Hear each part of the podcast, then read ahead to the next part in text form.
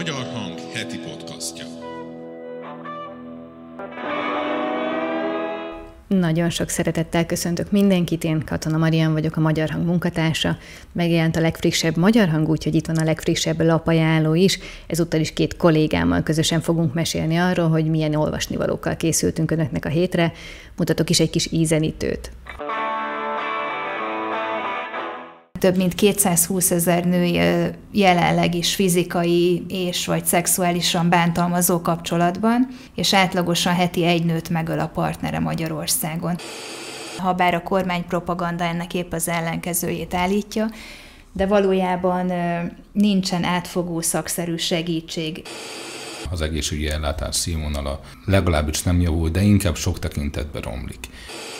Itt az összeomlás az nem egy ilyen egyik pillanatról a másikra bekövetkező látványos esemény, hanem ez egy hosszú folyamat.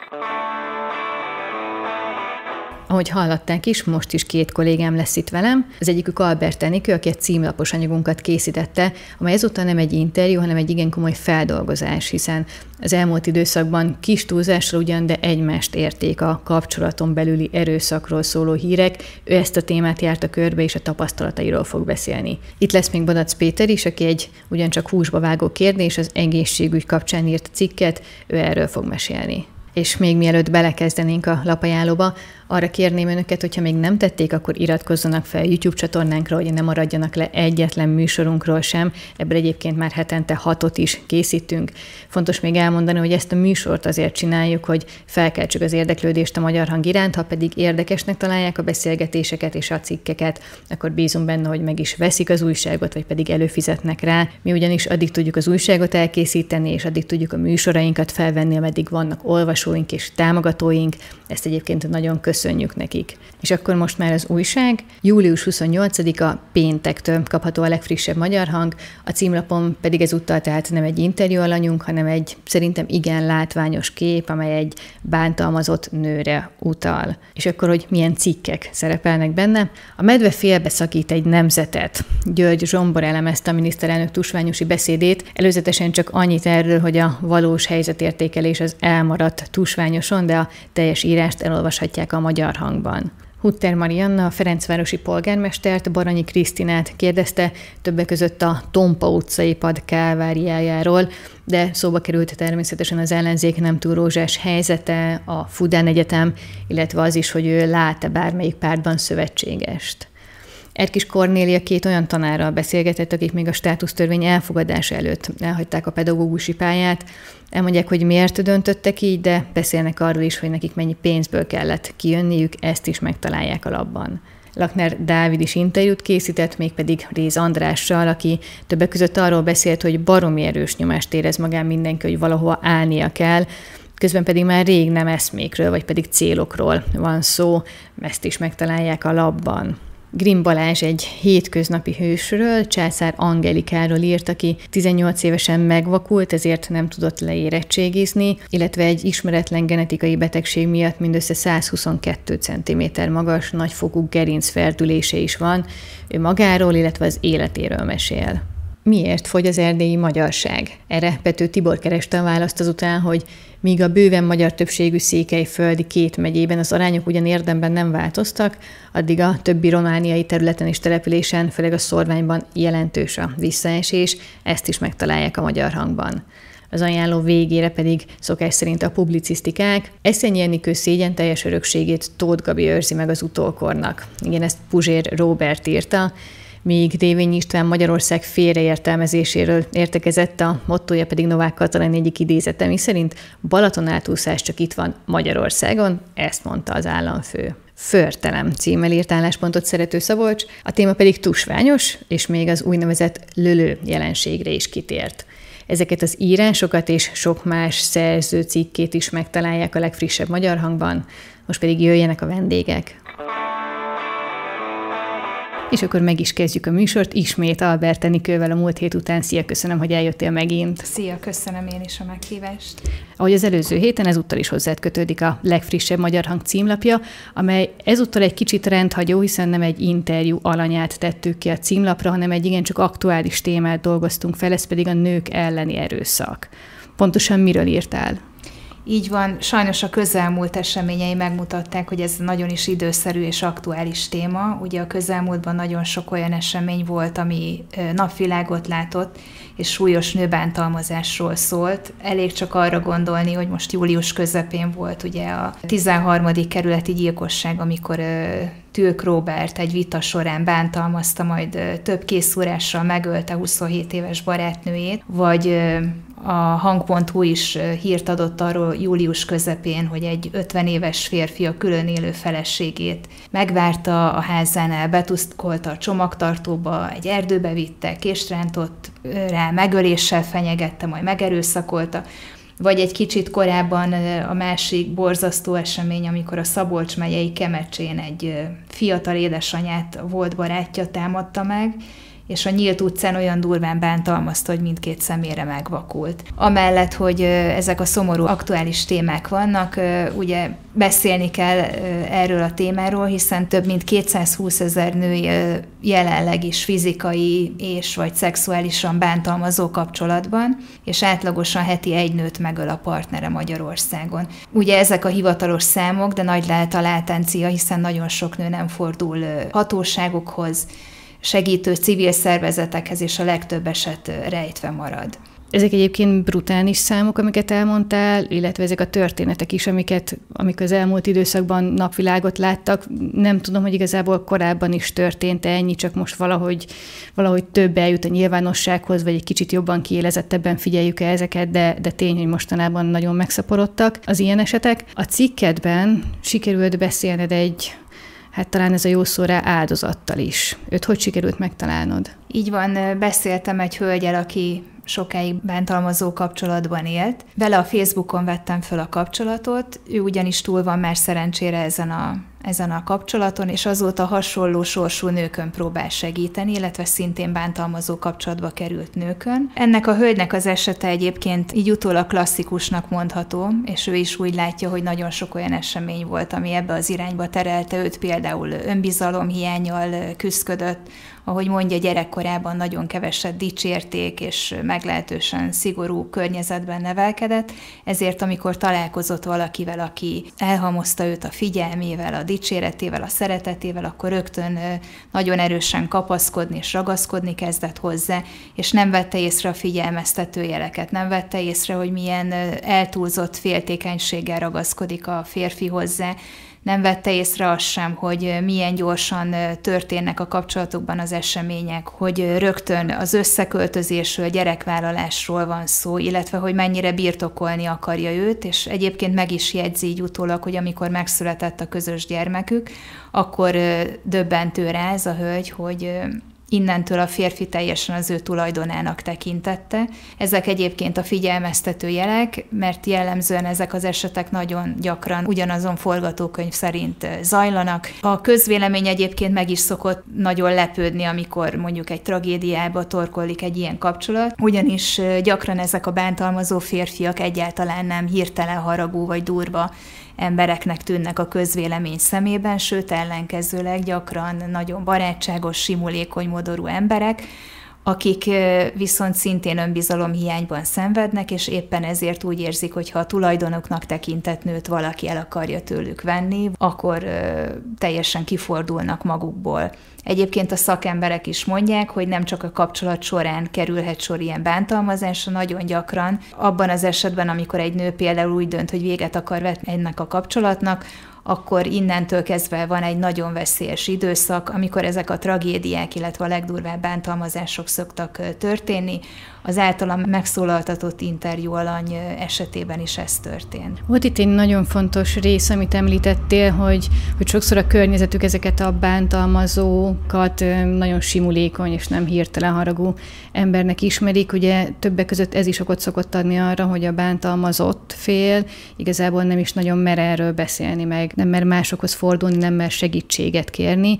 De azt a részét is körbejártad most a cikknek, hogy ha valaki mégis ilyen kapcsolatban, ilyen toxikus vagy bántalmazó kapcsolatban él, akkor kihez fordulhat, vagy egyáltalán hol találhat segítséget? Végig jártam az állami ellátórendszer minden stádiumát, hogy hova lehet fordulni, illetve milyen védelmet biztosít az áldozatoknak az állam, illetve a civil szervezetek.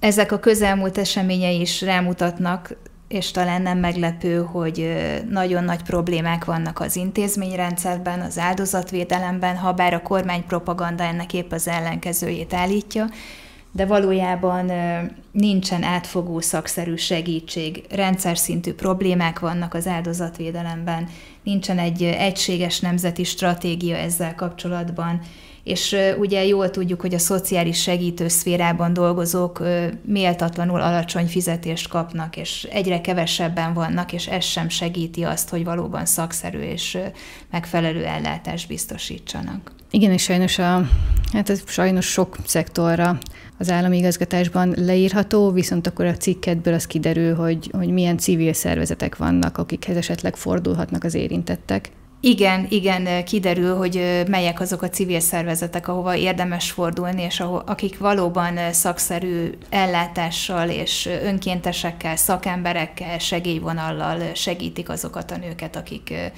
bántalmazó kapcsolatban vannak.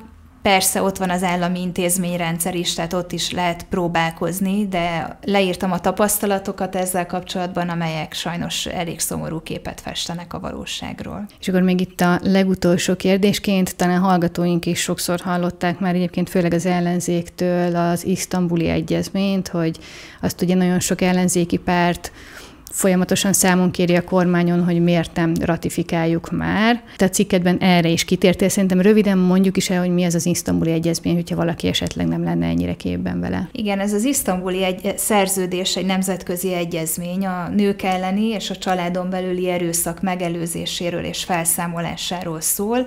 Az Európa tanács alkotta meg ezt az egyezményt 2011-ben, egyébként Magyarország is aláírta 14-ben, hogyha egy ország aláírás után ratifikálja is, tehát beemeli a saját jogrendszerébe, az, akkor azzal egy átfogó és komplex nőbántalmazás elleni intézményrendszert emel be, és ezzel hozzájárul a probléma tudatosításához, a társadalom informálásához ezzel a problémával kapcsolatban, segít abban, hogy a nemek közötti egyenlőség a, a be, régi beidegződések, sztereotípiák változzanak, illetve az áldozatok számára hatékony védelmet, illetve egy átfogó komplex rendszert hoz létre.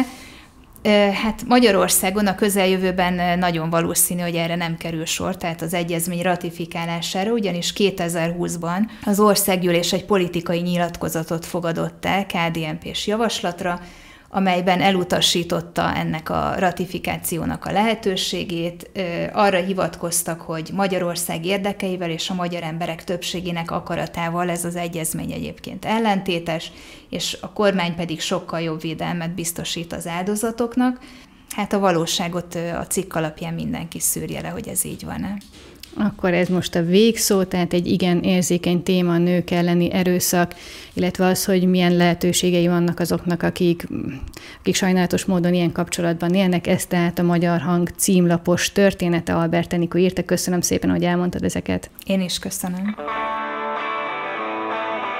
És akkor folytatjuk is a műsort Bodac Péterrel, aki egyébként szintén nemrég járt nálunk utoljára. Szia, köszönöm, hogy ismét eljöttél. Szia, én is köszöntöm a hallgatókat. Hallgatóink azt pontosan tudják, hogyha Bodac Péter, akkor nagy esélye egészségügy, majd hogy nem minden lapszámban foglalkozunk ezzel a témával, nyilvánvalóan ez mindenki számára nagyon fontos, és a most megjelenő labba írt cikkedben egy újabb államosítással foglalkozol, de pontosan mi is ez? 2024-es költségvetési törvényben jelent meg az a módosítás, amelynek értelmében az állam rátenni a kezét a CT és MR vizsgálatokra. Ezek ugye olyan képalkotó eljárások, amelyek rendkívül fontosak abban, hogy egy, egy betegség gyanúja esetén a pontos diagnózist megállapítsa. Ezeket az eljárásokat az 1990-es évek óta magánszolgáltatók végzik. Államilag finanszírozott eljárásokról van szó, tehát az állam kifizeti ezeknek a magánszolgáltatóknak a vizsgálatoknak a díját, és ezeket a vizsgálatokat, aztán a leleteket az állami egészségügyben tevékenykedő orvosok értékelik ki, és határozzák meg a későbbi terápiát, amennyiben arra szükség van. Ez egy igen fontos területe az egészségügynek, hiszen ez az a pont, ahol nagyon-nagyon sok betegségre már ideje korán rá lehet világítani, rá lehet mutatni, magyarul a megelőzésben, illetve az idejében való terápiának a elkezdésében nagyon-nagyon fontos szerepük van ezeknek a vizsgálatoknak. És még csak annyi, hogy a 90-es években azért lett erre a területre bevonva a magánszféra, mert az államnak már akkor sem volt erre kellő mennyiségű forrása, egy-egy berendezés több millió forintba kerül most is, amelyekkel ezeket a vizsgálatokat el lehet végezni. Na és akkor nézzük, hogy tulajdonképpen mi lesz most, tehát mi lesz más, és ez mondjuk egy átlagembert mennyire fog érinteni. Válaszolva először a kérdésed elejére, az változik, hogy az állam kimondta, hogy közfinanszírozott CT és MR vizsgálatokat nem végezhetnek gyakorlatilag magántársaságok, hanem állami felhatóságú társaságok végezhetnek. Ezt a piacot egyébként nem száz százalékban vitték az elmúlt évtizedekben a magánszolgáltatók, hanem mintegy 30-35 százalékát uralták a piacnak, de tehát itt erre megy ki a játék, hogy ez a 30-35 százaléknyi piaci részesedés is visszakerüljön az államhoz. Az állam azt mondja, hogy ezeket a cégeket 5-6 nagyvállalatról van szó, a akik több milliárd forintot investáltak a tevékenységbe, ezeket a cégeket kártalanítják, illetve hogyha nem sikerül megalapodni, akkor tulajdonképpen az állam átveszi a teljes gépparkot, és folytatja maga a tevékenységet. Hogy mit fognak ebből érezni a páciensek, Hát egyrészt félő, hogy az átszervezés azért az nem lesz teljesen zöggenőmentes, mert itt egy ilyen komoly országos szintű államosítástól lenne szó. Ez az egyik, a másik pedig, mint hogy erre Rékasi Balázs egészségügyi szakközgazdász is fölhívta a figyelmet. Ez Például pont egy olyan terület, amit egy magánellátó hatékonyabban tud végezni ugyanabból a forrásból, mint egy állami szolgáltató. Mert egy magánszolgáltatónál egységnyi forrásból ki tudják gazdálkodni a munkabéreket is, hatékonyan tudnak dolgozni, és még valami van teljesítmény orientáltság a magánszolgáltatónál, ami azt jelenti, hogy egy-egy gép, egy-egy humán erőkapacitás maximálisan ki van használva.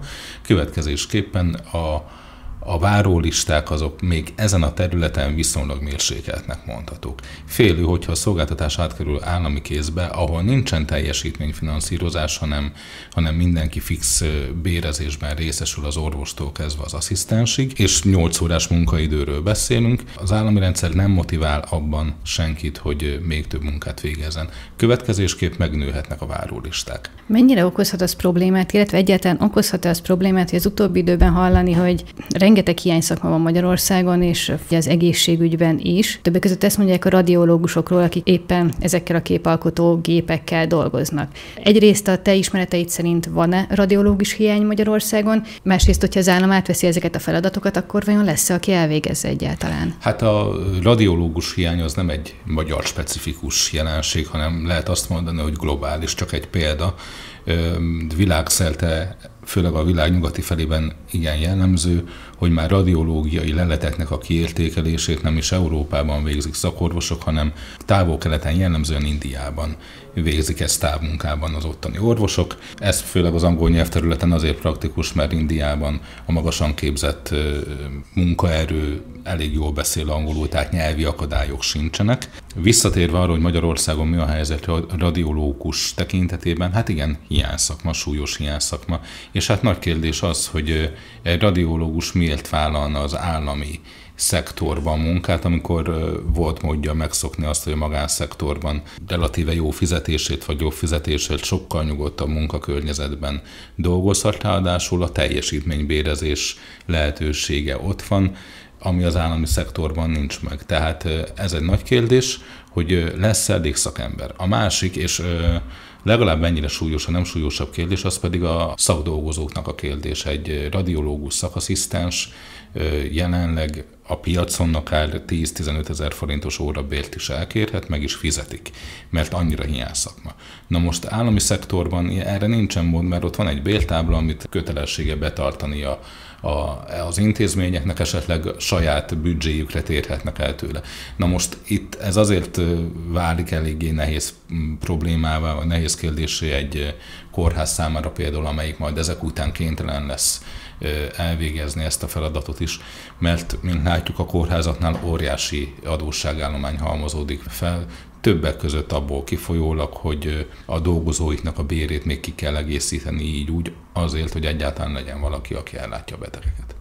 Igen, itt talán mondjuk el, hogy, hogy a kormány gyakran hangoztatja azt, hogy milyen mértékű béremelés volt az orvosoknál, és ez tény, hogy egy hatalmas béremelés volt. Viszont a szakdolgozóknál, akiket szerintem a legtöbben csak úgy ismerünk, mint a nővérek és ápolók, akik ugye a legtöbbet vannak egy beteggel, hogyha mondjuk bent fekszik a kórházban, náluk azért igen alacsonyak a bérek. Most ugye egy 18%-os béremelést sikerült hosszas több éves ígérgetések után eszközölni a kormánynak ami hát a jelenlegi inflációs mutatók mellett még arra sem elegendő, hogy az igen-igen alacsony béreket szinten tartsák. Feltételezhető, hogy ez még tűzoltásnak is kevés lesz. Eléggé pessimistának tűnő kérdés, de te, aki ezért komolyabban foglalkozol az átlagnál az egészségügy témájával, te mit mondasz egyáltalán, ez még egy létező rendszer, ez már egy összeomlott rendszer, ez egy összeomlásban lévő rendszer, ezt valahol hol tudnánk elhelyezni ezen a skálán? A rendszer valamennyire működik.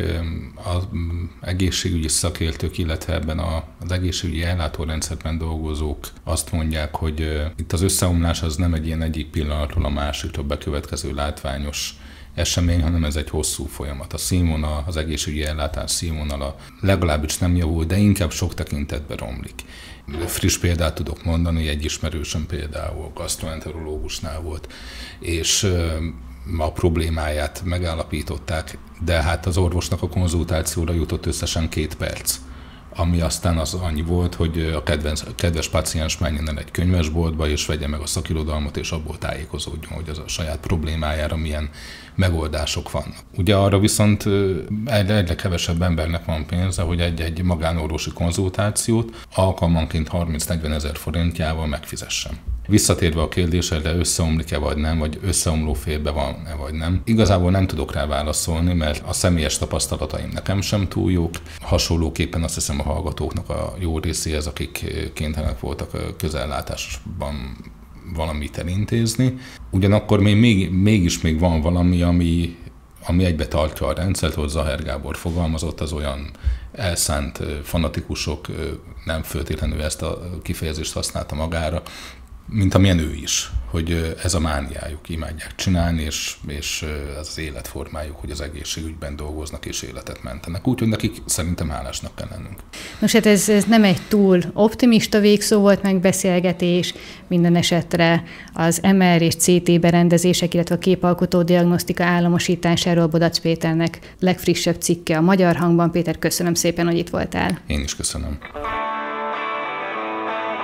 Bízom benne, hogy érdekesnek találták a beszélgetéseket, ezáltal érdekesnek találják a legfrissebb magyar hangot is, amely tehát július 28-a péntektől kaphat az újságárusoknál, a nagyobb élelmiszerboltokban és a benzinkutakon.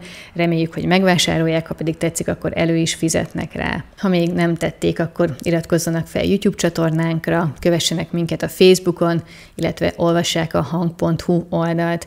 Én kollégáim nevében köszönöm a figyelmüket, találkozunk a jövő héten is.